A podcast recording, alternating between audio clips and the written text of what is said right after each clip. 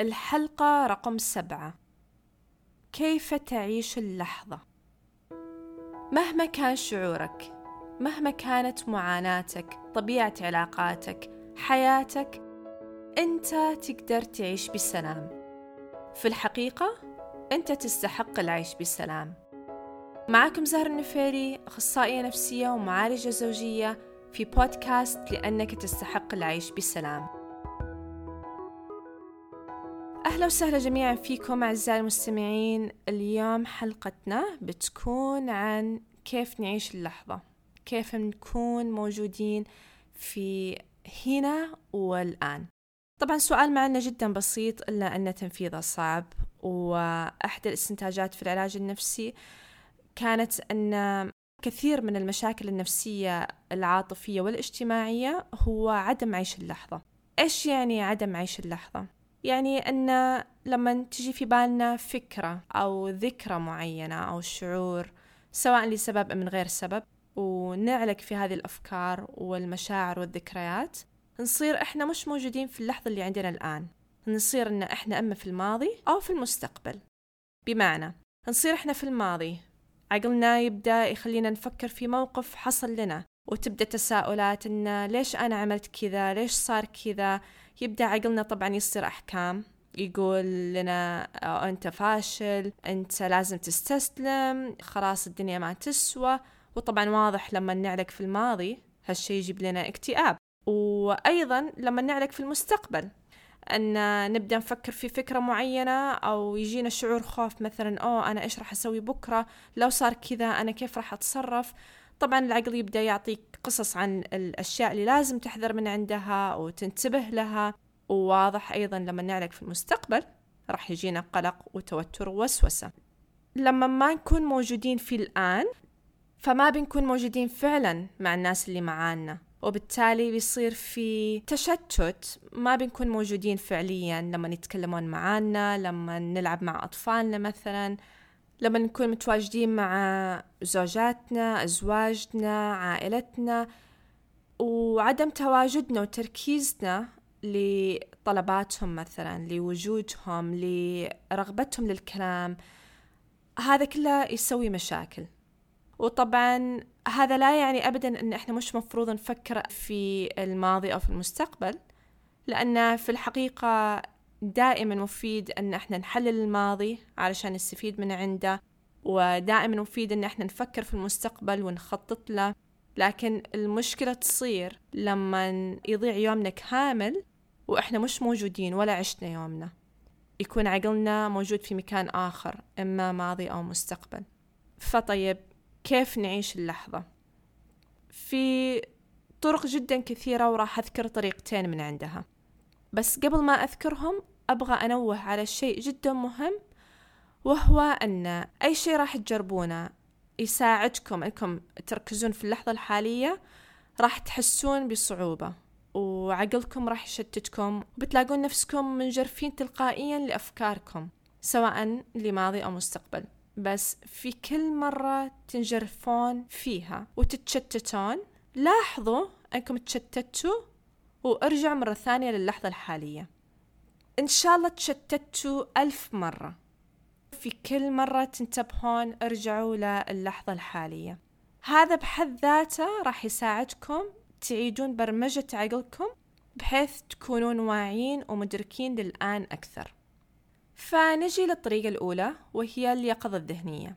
اليقظة الذهنية أن إحنا نشغل حواسنا الخمسة خلال ممارسة أي نشاط. إيش حواسنا الخمسة؟ أن إيش اللي قاعدين نشوفه؟ إيش اللي قاعدين نسمعه؟ نتذوقه؟ نلمسه؟ ونستنشقه. مثلا لما ناكل شيء معين نتأمل أكل قبل ما ناكله. نشوف لونه وريحته وملمسه ونتأمل طعمه وما نبلع بسرعة. ناكله بشويش أو نشرب الماي بشويش. هذه يقظة ذهنية. هذا طبعا مثال صغير. لكن الفكرة لو إحنا نطبقها على كل شيء في حياتنا هذه كلها زي ما قلت أنه راح يساعد عقلنا يعيد برمجة نفسه في هذه الناحية بحيث أنه هو يكون مركز ويكون واعي ومدرك لكل شيء موجود في حوالينا. بحيث أن هذه تكون نقطة قوة للإنسان أنه يكون يقظ ومنتبه. فكيف أن إحنا نحفز ونفعل هذه القوة وهذه اليقظة في أن إحنا نكون متيقظين في الأشياء الصغيرة اللي إحنا نعملها في يومنا؟ يعني مثلا لما نتكلم مع أحد لما نمشي نشتغل نكتب على الكمبيوتر لما ناكل نشرب نقعد على الكرسي كل الأشياء اللي نسويها بشكل يومي نحاول نتأمل في تفاصيل الشيء بحواسنا الخمسة. اليقظة الذهنية ميزتها أنها فعليا تخفف شعور الاكتئاب والقلق وتساعد بشكل جدا كبير مع نوبات الهلع أو اضطراب الوسواس القهري. طبعا الموضوع مش سحري ومهم أن الواحد يلتزم ويحاول يمارس اليقظة الذهنية علشان تدريجيا إن شاء الله يستفيد. الطريقة الثانية اللي تساعدنا إن إحنا نعيش في اللحظة هي الامتنان. الامتنان يعني أن الإنسان يقدر اللي موجود عنده الآن في حياته. بدال ما نكون عالقين في فكرة مثلا أن شريكي إنسان سيء أو شريكي ما يهتم وأنا مسكين ما في أحد يحبني إلى آخره الامتنان هو أنك تركز على الأمور الكويسة اللي موجودة في نفسك وفي حياتك. وعلشان نركز نحتاج نكون في اللحظة. نحتاج ننتبه ونتأمل ونفكر في الآن وإيش صاير معاي اليوم علشان أن نقدر نمتن. فالامتنان بيساعدنا نكون في الآن والآن بيساعدنا أن نكون ممتنين. طبعا في أبحاث جدا ضخمة عن الامتنان وأنصحكم أن تبحثون عن فوائد الامتنان بشكل عام. هو فعلا يحسن من جودة الحياة وشعور الإنسان بالرضا يحسن علاقات الإنسان بحيث أنه ما يكون في تركيز مستمر على النواقص في الشخص الآخر لأن يكون في تقدير. طبعا طرق الامتنان كثيرة. راح أذكر طريقتين. أول طريقة هو أن كل يوم صباح نصحى من النوم نفكر إيش إحنا ممتنين له اليوم.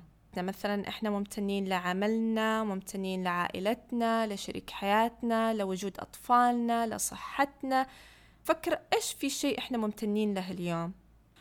ونقدر نستفيد من الامتنان في أن نطبق القيم اللي نؤمن فيها. مثلا إذا كنا إحنا ممتنين لعملنا فنفكر في إيش هي قيمي تجاه عملي. مثلا الإخلاص المثابرة الإبداع. فنفكر كيف اليوم أبغى أطبق هذه القيم في عملي اليوم. أو مثلا إذا كنا ممتنين وجود شريك حياتنا معانا. نفس الشيء نفكر إيش هي القيمي تجاه علاقتي؟ بمعنى كيف أبغى أتعامل مع شريكي؟ بحب مثلا هل بإخلاص؟ هل بمساندة؟ هل بمصارحة؟ بوضوح أكثر؟ فنفكر كيف نقدر نطبق هذه القيم مع شريكنا اليوم. وهكذا. أوكي؟ الطريقة الثانية في الامتنان هي جرة الامتنان.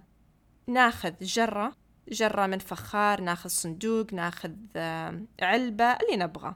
ويوميا في الليل أو في الصباح أو كل يومين مثلا مرة يفضل أنه يوميا علشان تكون عادة مستمرة وعقلنا يبدأ تدريجيا هو ينتبه لكل شيء إحنا ممتنين له. إيش نسوي؟ نكتب في أوراق صغيرة نكتب في ورقة شيء واحد إحنا ممتنين له اليوم. الأشياء اللي ممتنين لها مثلا زي ما قلنا عن حياتنا عائلتنا أنفسنا. أنا ممتن مثلا اليوم أني كنت صارم أنا ممتن اليوم أني أنا كنت واضح أنا اعتنيت في نفسي واهتميت في ذاتي. ونحط الورقة في هذه الجرة أو في هذه العلبة. بيكون جدا ممتاز أن نسوي هالشي هذا كنشاط عائلي. العائلة كلهم يجتمعون يوميا في وقت محدد. كل واحد يكتب في ورقة إيش الشيء اللي هو ممتن له.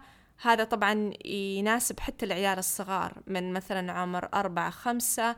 مو لازم يكتبون شيء إذا هم ما يعرفون يكتبون ممكن يرسمون رسمة. وفي نهاية الشهر تقرؤون كل اللي كتبتوه. وهذا بيكون جدا وقت ممتاز لتذكير الإنسان بالحاضر اللي عندنا الآن والأشياء اللي ممتنين لها الآن.